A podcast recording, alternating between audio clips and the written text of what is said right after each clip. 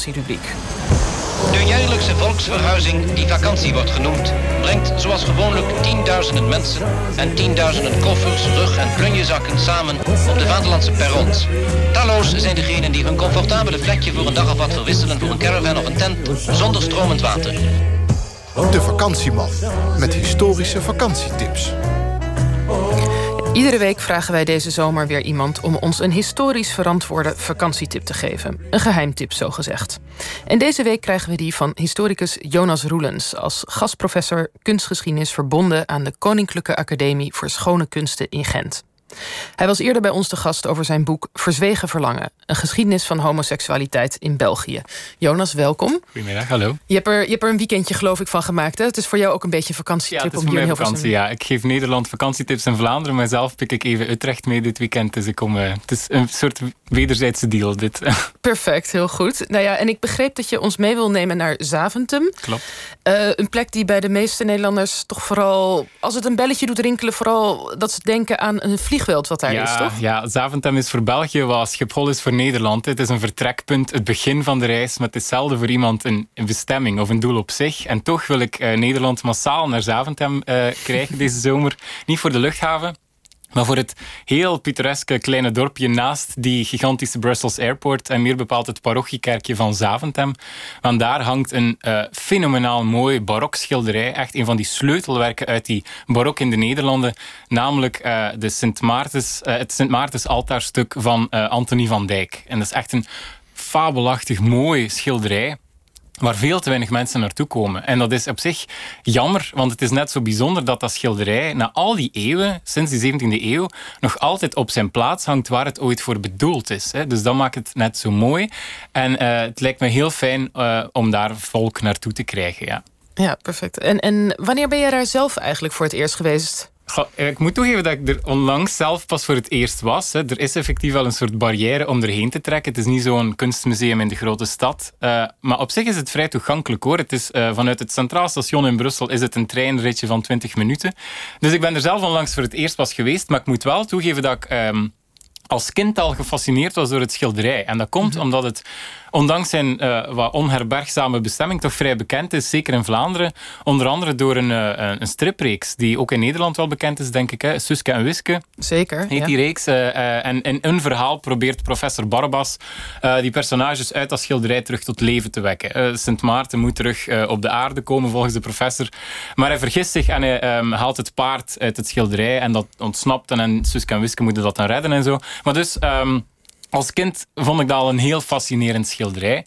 Uh, uh, dat beeld zat echt vast in mijn hoofd. En na jaren iedere zomer wel eens te zeggen van ik ga er naartoe, ik ga er naartoe, is, dit zomer, uh, is, deze zomer echt van gekomen. En ik was meteen omvergeblazen. Want... Um, Misschien eerst even beschrijven wat we precies op het schilderij zien. Dat is de beperktheid van het medium radio, maar ik ga het toch zo goed mogelijk proberen doen voor de luisteraars.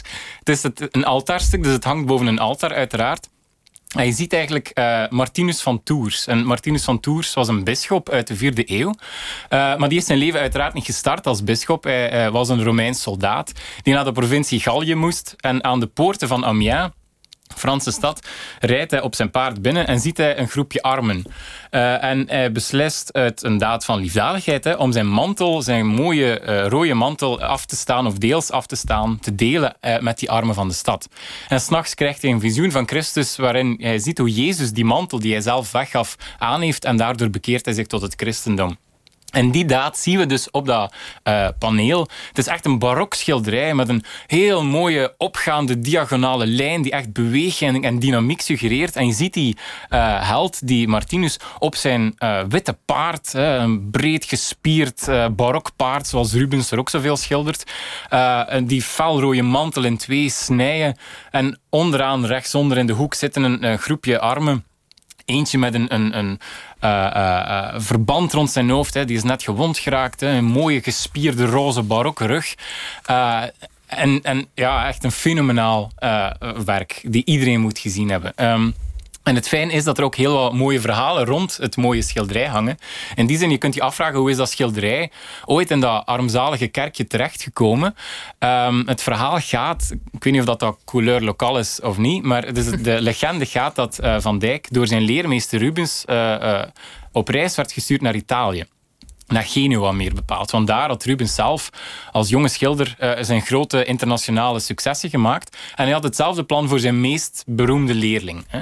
Dus hij moest op reis naar Italië om die oude meesters te gaan bestuderen. Maar Van Dijk raakte niet ver. Hè. Vanuit Antwerpen hield hij al meteen halt in Zaventem, hè, wat dus echt niet zo ver is. Uh, waarom?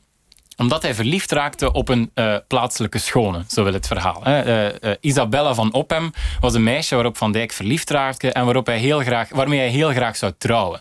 En volgens het verhaal wou hij dus haar vader een beetje paaien, wou hij slijmen bij zijn toekomstige schoonvader door een schilderij te maken voor de plaatselijke kerk.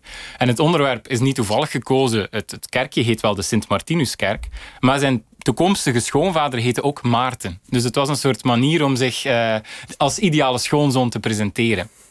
Um, nu, er zijn andere historici die daar niet mee akkoord gaan met die rooskleurige visie. Uh, en die stellen dat het schilderij geen cadeau was van Van Dijk, maar uh, een schilderij op bestelling. Want in de periode waarin hij het schilderde, rond 1620, werd er ook een nieuwe baron van Zaventem gekozen. En die baron, Ferdinand de Boeschot, zou het schilderij gekocht hebben. Hè, voor 300 florijnen, wordt gezegd. Dus er is wat discussie over het verhaal. Maar recentelijk is er toch een soort nieuwe uh, archivalische vondst gedaan. Met name een brief van Rubens aan zijn leerling Van Dijk. Waarin hij zegt van... Um, het is mij te oren gekomen dat je veel te lang blijft hangen in Zaventem. Uh, en als je niet uh, stand TPD naar Italië vertrekt, dan zal ik je zelf uh, komen ophalen om je, plicht, om je op je plichten te wijzen. Dus daar hangt toch iets, een soort romantisch verhaal in de lucht, als het ware. En dus, het fijne dus, is dat als je nu naar die Sint Maarten kijkt, dat je daar een zelfportret van Van Dijk in kunt herkennen. Dus als een soort romantisch souvenir voor het meisje dat hij achterlaat op het pad naar internationale roem, zou je kunnen zeggen. Ja, en dit is dus echt een vroeg werk van uh, Antonie van Dijk. Ja, ja. Uh, sowieso, uh, Van Dijk is een, een vroege schilder, zou je kunnen zeggen. In die zin dat wat Mozart voor de muziek is, is Van Dijk voor de schilderkunst. Het is, het is echt een wonderkind. Hè. Hij wordt geboren in 1599, maar amper 15, 16 jaar later heeft die jongen wat hij dan nog is, een jongen, heeft hij al zijn eigen atelier, werkt hij al zelfstandig en wordt hij echt als een van de grote Antwerpse schilders beschouwd. En Rubens omschrijft hem ook als zijn meest geniale leerling, uh, heeft grote plannen met hem, krijgt heel vaak opdrachten doorgestuurd van Rubens. En dat is ook een theorie. Uh, men denkt dat Rubens eigenlijk eerst die opdracht kreeg, uh, een tekening ontworpen heeft en dan geen tijd had om het zelf te maken en dan maar doorspeelt aan Van Dijk. Nu, daar zijn we niet zeker over in dit geval, maar het is wel een courante atelierpraktijk. Hè. Rubens geeft vaak opdrachten door aan zijn meest bekende leerling.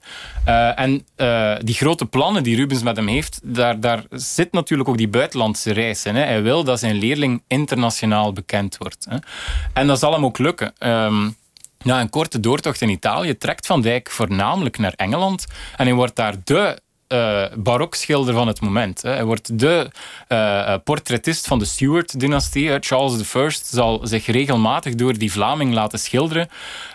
Onder andere op heel beroemde ruiterpanelen, hè, waar hij ook, net als bij die Sint Maarten, schitterende paarden schildert. En heel die adel heel nonchalant weergeeft. Hè. Op een echt typisch van Dijk, een Dijkiaanse manier. En zijn invloed is al zo hard dat je uh, tot op vandaag de dag in het Engels leeft Van Dijk door. Want hij schildert heel veel van die snorretjes en korte puntbaardjes die dan zo in de mode zijn, die sikjes. Ja, En men heet dat vandaag nog altijd uh, Van Dijk Beard. Dus die, die schilder heeft echt zijn stempel gedrukt op die kunst en cultuur van het Engeland zou ik kunnen zeggen. Ja, ja geweldig. En, en je vertelt, uh, nou ja, dit is Sint Maarten, hè, eigenlijk mhm. Sint Martinus. Um, je vertelt het hele verhaal zoals ik het ook nog op de basisschool heb, mhm. heb gehoord. Want uh, Sint Maarten wordt in Nederland. Uh, overal gevierd, ook, ook, ook niet onder, mm onder niet-katholieken, zullen maar zeggen.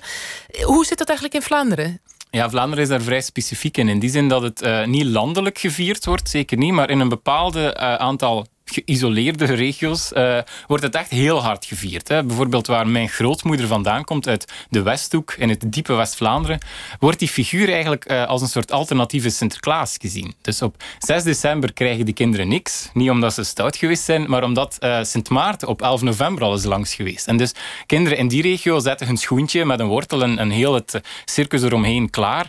En die gaan dan... Um, op tocht hè, met een, een uitgeholde biet waar dan een kaarsje in zit. Als een soort variant van de, de Halloween-pompoen. Mhm. En dus uh, Sinterklaas uh, is daar de groot afwezige. Dus als kind vond ik dat heel vreemd dat ik enerzijds bij mijn ene oma Sinterklaas had en bij mijn andere Sint Maarten. En dat werd dan verpakt als ja, dat zijn twee broers van elkaar, als een soort familie van wilde weldoeners. Maar die, die Sint Maarten is een heel belangrijk figuur in bepaalde Vlaamse steden en dorpjes.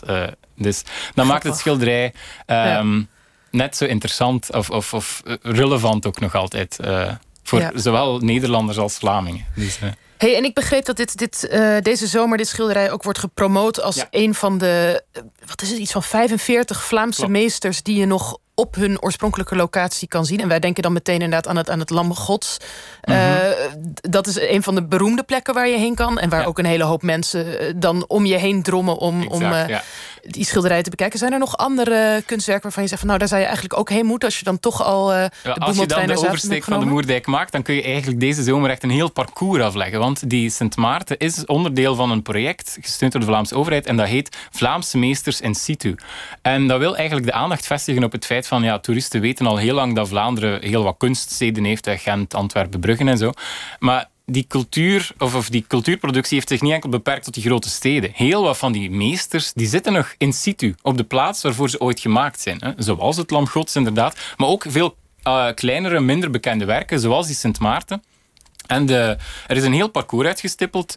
Uh, waarbij men dus via de website Vlaamse Meesters in Situ uh, al die werken kunt herontdekken. Uh, en uh, het staat echt gegarandeerd voor heel wat ontdekkingen. Waarbij dus, dat is ook het fijne, je staat ook helemaal alleen. Hè. Ik stond echt alleen in dat kerkje, niet gedrumd in een, een blockbuster tentoonstelling. Je kunt echt gaan zitten, het werk volledig in je opnemen en echt als herboren terug naar buiten gaan. Dus het is echt een aanrader. Prachtig. Dankjewel Jonas Roelens, gastprofessor kunstgeschiedenis aan de Koninklijke Academie voor Schone Kunsten in Gent.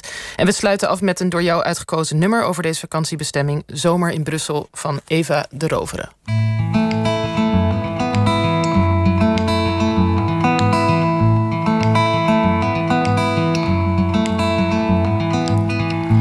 Als het zonlicht over Brussel valt en de stad zacht leven komt. Als de mensen weer gaan stralen en het park zijn fonteinen wekt. Een zomerdag.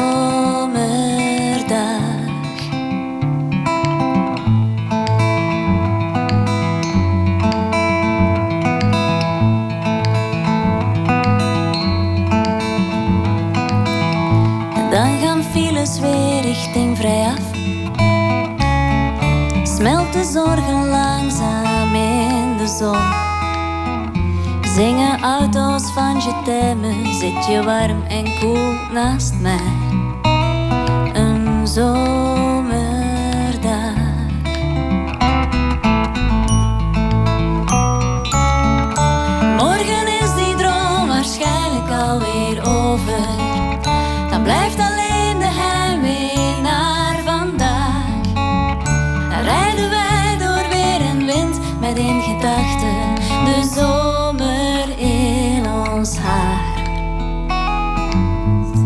Als het zonlicht mijn gedachten tent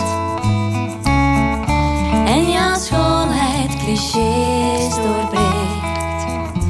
Als we klinken op lange nachten, als we drinken op geluk. Een zomerdag.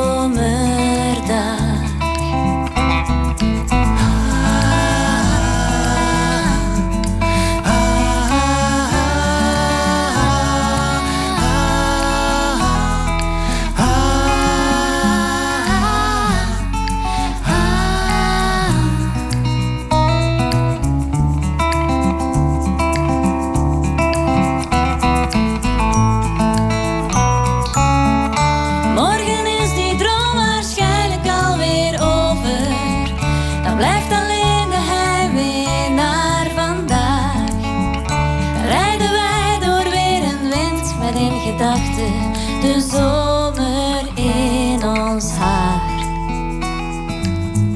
Ik drink mijn glas leeg en vergeet de fooi. Kijk in de spiegel, groet mezelf en lach. Ik laat mijn zorgen los tot morgen, want vandaag was veel te mooi. Een zomer.